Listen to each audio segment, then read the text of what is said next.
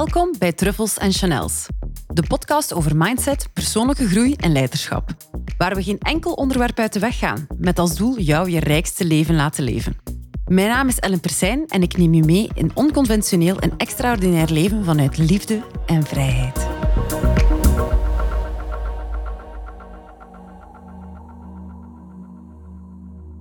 Welkom bij de Truffles en Chanels podcast.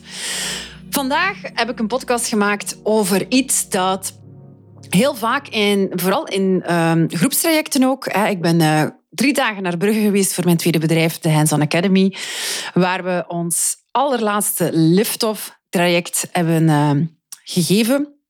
En daar zaten we dan samen met een groep van eh, 14 ondernemers. En we praten natuurlijk in mijn stuk dan heel veel over mindset, uh, mindsetblokkades, wat hen kan tegenhouden, welke oordelen ze hebben over zichzelf, over de wereld um, die ze rond hen beleven. En ook over eigenlijk interne blokkades en geloofsovertuigingen die ze ooit hebben meegekregen van thuis, maar een soort rol waar je jezelf dan inzet door um, je ouders. Hè? Het valt mij op dat wij als kind, en uh, hè, ik uh, inclus, um, voordat ik door mijn eigen proces ging, dat wij van ons ouders zoveel verwachten. En al heb je een supergoeie band gehad met je ouders, zijn er toch heel veel mensen die toch hadden gehoopt of verwacht of verlangd dat hun ouders iets meer hadden gedaan dan dat ze gedaan hebben. Of minder hadden gedaan wat ze gedaan hebben, hè, als dat dan iets negatiefs zou zijn. Nu, daar hebben we het ook even kort over gehad tijdens hè, die groepsessie. En het, het kwam dan bij mij binnen van... Wat verwachten we toch eigenlijk zoveel van onze ouders? Hè? Ehm, we lijken precies te vergeten dat dat voor hen ook nog maar de eerste keer is dat ze rondlopen op de aarde. En we lijken te vergeten dat ze niet kunnen geven wat ze zelf nooit gekregen hebben. Een heel groot um, ding dat vaak terugkomt bij, bij cliënten bij mij is van, ja, mijn moeder of mijn vader, en ik heb dan net iets meer de ervaring bij, bij mannen dan bij vrouwen, dat ik heb nooit gehoord van mijn moeder of van mijn vader, en dan bij mannen vooral van de vader, van ik heb nooit gehoord dat mijn vader trots was op mij. En dat is een puntje, een, een, een wondje die erin geslagen is omdat wij als kind verwachten dat dat zo hoort. Hè? Dat, ja, als je ouder zit van een kind, ja, die, die moest mij dat vertellen. En als hij mij dat zou gezegd hebben, of mijn moeder mij dat zou gezegd hebben, dat ik goed bezig ben, of ze trots is op mij, dan, hè, dan was ik wel uh, een vurigere ondernemer of een vuriger mens of een tevredener mens. Waardoor we eigenlijk verwachtingen gaan stellen bij mensen die het heel vaak zelf niet kunnen geven.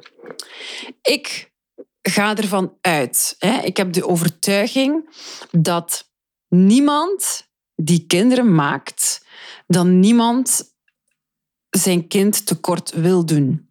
Dan niemand zijn kind iets wil ontnemen. Wat dan niet wil zeggen dat iedere ouder een subliem pad bewandelt.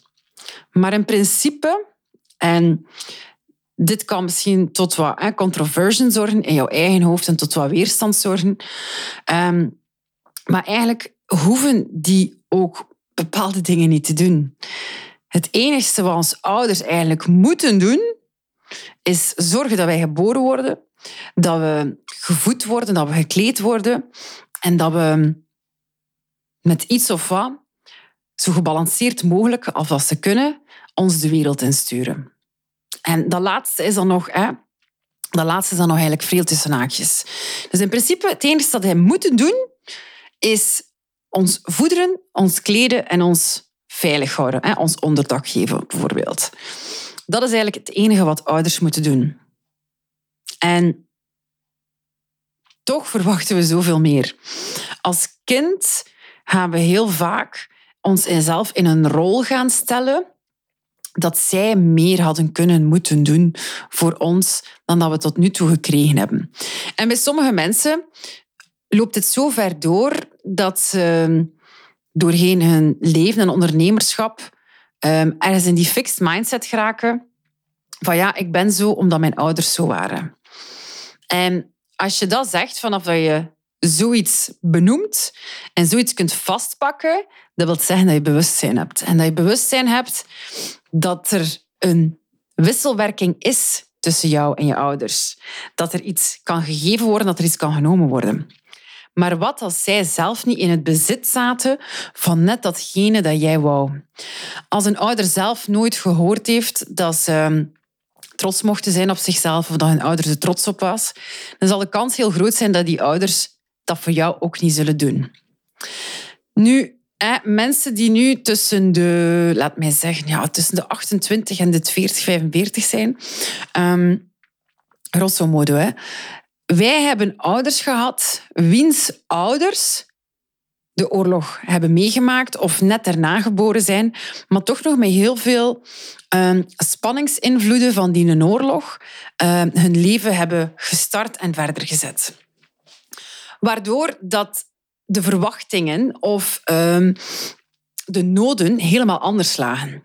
Dus je moet denken dat als jij in de oorlog bent geboren, dan is het laatste waar je aan denkt als ouder is van ah, mijn kind moet weten dat ik trots ben op hem. Nee, wat jij aan denkt is, is mijn kind gevoed? Heeft mijn kind eten? En kan ik ervoor zorgen dat er ergens um, middelen en overvloed genoeg is om die nog verder te kunnen voeden? Als je in de oorlog geboren wordt en er, zijn, er, is, er is heel veel schaarste en je bent al blij dat je voor je gezin elk uh, een patatje kunt schellen, dat ze elk een aardappel kunnen eten, omdat er schaarste is en al de rest, dan ben je niet bezig aan, ah, voelt, voelt dat zieletje zich wel goed? Dan moet er gewoon gewerkt worden en moet er, moet er, ja, moeten er dingen gedaan worden om uit die schaarste te blijven en om gewoon die baseline te gaan vervullen voor jouw kind. Wij die daarna geboren zijn, en met wij bedoel ik dan hè, mensen tussen de 28 en de 45, 50 zelfs misschien, um, wij zijn in zo'n comfortabele wereld geboren, met overvloed van van alles en nog wat, dat wij gevoed genoeg zijn, veilig genoeg zijn, beschermd genoeg zijn, onderdak genoeg hebben, dat wij al kunnen gaan denken aan een ander stukje van de piramide. Als je kijkt naar de piramide van Maslow, ehm, dan moeten er bepaalde behoeftes vervuld worden. En de onderste laag is dan voedsel en onderdak en veiligheid. En dan de bovenste laag, hè, helemaal bovenaan, is, is fulfillment en, en je goed voelen en zielsvervulling en alles die daarbij hoort. Dus onze ouders, of zeker onze ouders van onze ouders, die missen dat soms. Niet elke ouder van deze generatie gaat dat al fits hebben. Zeker als ze zelf heel veel moeten knokken hebben om te gaan bereiken wat ze tot de dag van vandaag bereikt hebben. En die vinden snel, maar ja, het is toch maar normaal dat hij zoveel werkt. Ja, wat denk je wel? Terwijl dat wij als kind dan het gevoel kunnen hebben, is het weer niet goed genoeg? Wanneer gaat eindelijk je goed genoeg zijn wat ik doe? Dus dit inzicht geef ik mee om jou even uit die vergelijkingstabel te trekken. Want jouw ouders of jouw grootouders kunnen, niet, kunnen zich niet positioneren waar dat jij nu zit met alles wat zij ooit hebben meegemaakt of zelf niet gehad hebben, of de schaarste waar, in, waar zij in doorgeleefd zijn. Dus als je dat in perspectief kunt zetten en als je voor jezelf kunt kiezen om niets meer te verwachten van hen, wat ze zelf toch niet kunnen geven, en omdat jij in een comfortabele, comfortabelere positie misschien bent geboren en opgevoed geweest. Dat jij misschien kan kijken naar hen met liefde en kan kijken van oei, welke liefde hebben zij nog nodig die zij nooit ontvangen hebben? En misschien heb ik zo overvloed en overschot dat ik hen dat kan geven nu. Kan ik hen geven wat zij mij nooit kunnen geven hebben? En dan gaan we ook heel in het begin gaan botsen op die weerstand. Ja, maar dat hoort toch niet zo? Zij horen mij toch uit. Zij zijn mijn ouders. Dus zij horen mij toch te geven wat ik nodig heb. En dat is een gevaarlijke, um, ja, een gevaarlijke toestand om in vast te blijven hangen. Want dan ga je altijd onvervuld verder. En als je in het geluk bent dat je beide ouders nog leven, dan kan je dat gaan omdraaien en kan jij misschien hen geven wat zij nooit gehad hebben. En op één slag, in één vingerknip, bij wijze van, hè, kan je Hans dat proces gaan omkeren. En kan jij in je leiderschap komen te staan en kan jij uit de slachtofferrol gaan stappen die jij ongezien op jou zet of ongezien meedraagt. Want als je in leiderschap komt, dan vervalt die slachtofferrol onmiddellijk. Maar sommige mensen blijven hangen aan die slachtofferrol, omdat dat nu zo toch zo'n lekker veilig plekje is, die heel oncomfortabel is, by the way. Maar een slachtofferrol is veel handiger om in te zitten en moet veel minder hordes, en dan moet je veel minder hordes van overspringen, dan dat je in leiderschap gaat komen te staan en de bigger person gaat zijn. Omdat jouw systeem ergens wil blijven hangen in die hiërarchie van ehm, mijn ouders moeten mij geven wat ik nodig heb, want dat is hoe het hoort. Um, as a matter of fact, om het even heel cru te verwoorden. Your parents don't owe you nothing. They don't owe you shit. En vanaf dat je dat gaat beginnen beseffen, vanaf dat je dat gaat gaan realiseren, dan kan je in je leiderschap komen. En dan kan er voor jou zoveel meer gaan gebeuren in jouw leven. Want dat zo ergens een onzichtbaar koordje kan zijn naar die slachtofferrol. En ik zeg niet dat dat een bewuste slachtofferrol is, dat je zo graag in die slachtofferrol zit. Maar op onbewust niveau kan dat een onzichtbaar lijntje zijn die je daarmee kan doorknippen. Wat ook niet uitsluit dat als jij echt een heel ongelukkige jeugd hebt gekend. Um, en dat jouw ouders door hetgeen wat zij hebben zelf meegemaakt toxic zijn. En daar kan je niet uh, zelf gezonder of rijker van worden, dan vind ik het persoonlijk ook heel gerechtvaardigd om banden te breken met mensen die jou toch enkel maar naar beneden halen en die een toxische invloed hebben op jouw leven. Um, en dat kan gaan over ouders, dat kan gaan over tantes, nonkels, uh, zelfs broers of zussen. Als er bepaalde invloeden zijn en die mensen zijn niet bereid van te veranderen en die hebben niet de kracht, de middelen, het inzicht om daar iets aan te doen en het effecteert jou in zo'n mate dat jouw levenskwaliteit erdoor omlaag gaat, dan vind ik het volledig gerechtvaardigd om te breken met zelfs familieleden uit jouw leven. Ehm, en daar komt dan ook terug dat laagje slachtofferrol bij. Je kunt breken met familieleden omdat jij zo hard in de slachtofferrol zit en omdat je zo boos bent nog altijd voor wat er misschien gebeurd is. Ehm, is dan nog een verschil met inzien dat zij het gewoon niet konden geven en dat je ze respecteert voor de kracht, de intelligentie en de middelen die ze maar hebben. En met middelen bedoel ik dan echt de interne mogelijkheid om zelf beter te zijn als mens dan als ze zijn. Als ze daartoe niet in staat zijn, dan heeft het niet veel nut om dan vanuit die slachtofferrol te gaan breken. Breek dan ook vanuit leiderschap naar jezelf. Van kijk, zij kunnen mij niet geven wat ik nodig heb. Ik verwacht het ook niet meer, maar ik kies wel voor mezelf. Omdat ik merk dat deze keuze heel belangrijk kan zijn voor mij en mij heel veel groei kan bieden. En daarbij komt ook nog een keer vergiffenis. De kracht om te kunnen vergeven is een van de grootste kracht die er kan zijn. En dat wil ik niet zeggen dat je echt in iemand zijn gezicht moet zijn, ik vergeef u. Maar dat je in jouw grootste zelf gaat gaan staan en jouw grootste leiderschap gaat gaan staan. En dat je beslist voor jezelf dat de acties van deze persoon jouw leven niet meer zullen gaan bepalen. Hoe onfijn ze ook waren en hoe een grote indruk dat ze ook mochten nagelaten hebben. Je beslist op dat moment dat je hun acties niet meer gaat meenemen en niet meer jouw leven gaat laten bepalen. En dat is kracht. Dat is voor jezelf kiezen om vooruit te gaan. Want gelijk wat je ooit hebt meegemaakt als mens, het is vanaf vandaag dat jij beslist hoe je leven verder gaat.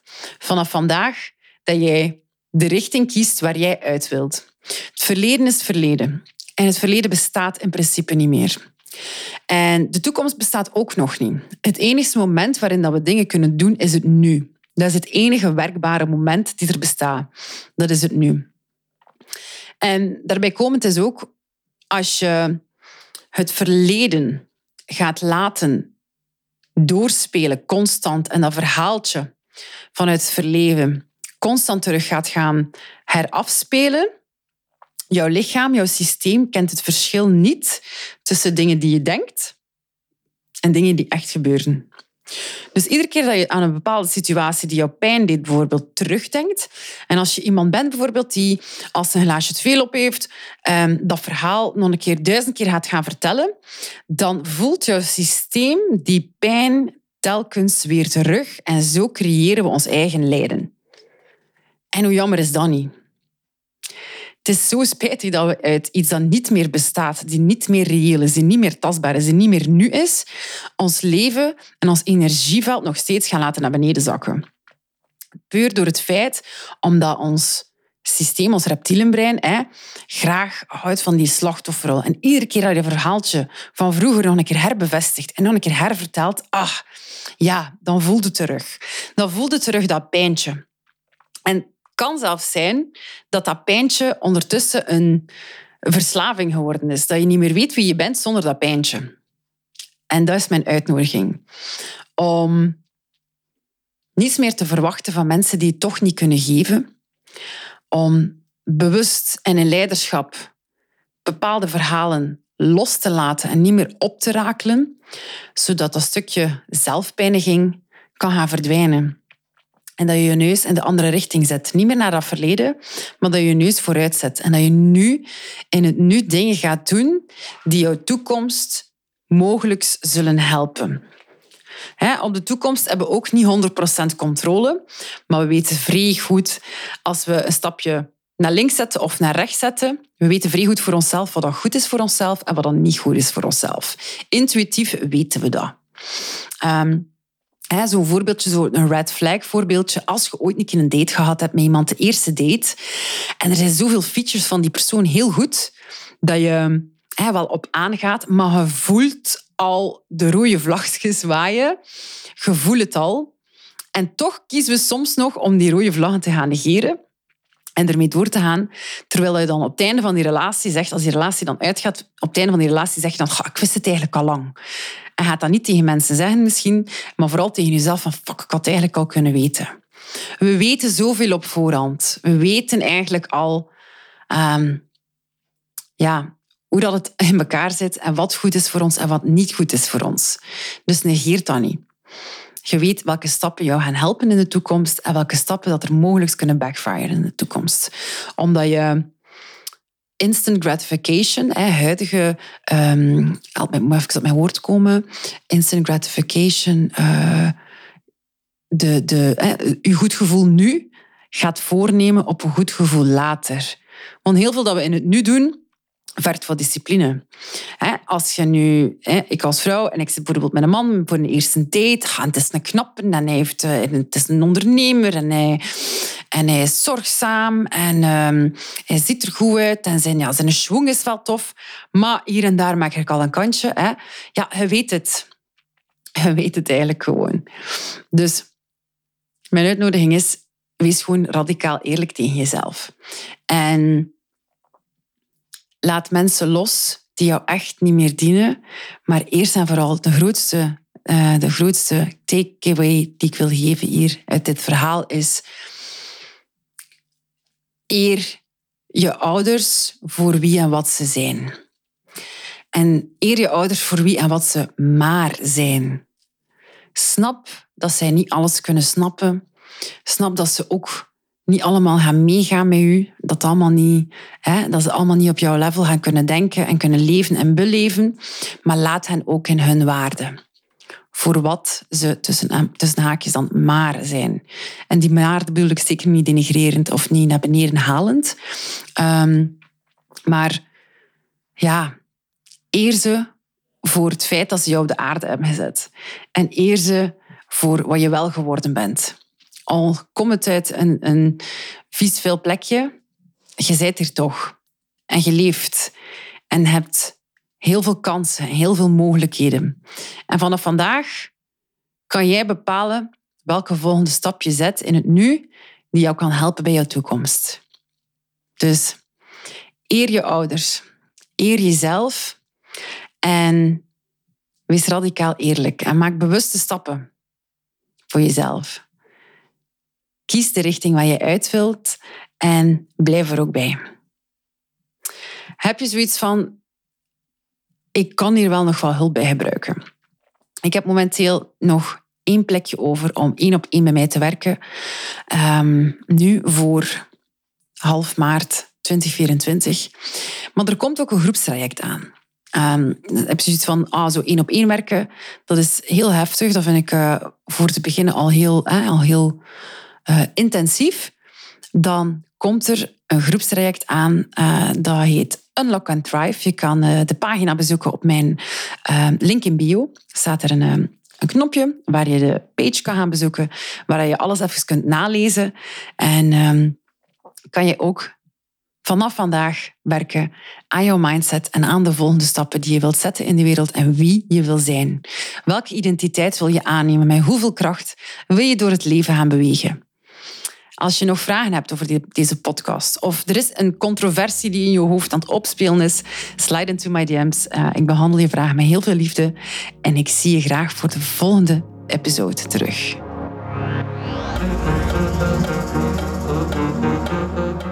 Ik ben Ellen Persijn en je luisterde naar Truffles en Chanels, de podcast. Mocht je dat nog niet gedaan hebben, ga dan naar je podcast-app en subscribe op deze podcast. Vond je het waardevol? Vergeet zeker geen like, rating of review na te laten. Ik zie je graag bij een volgende keer terug bij Truffles en Chanels.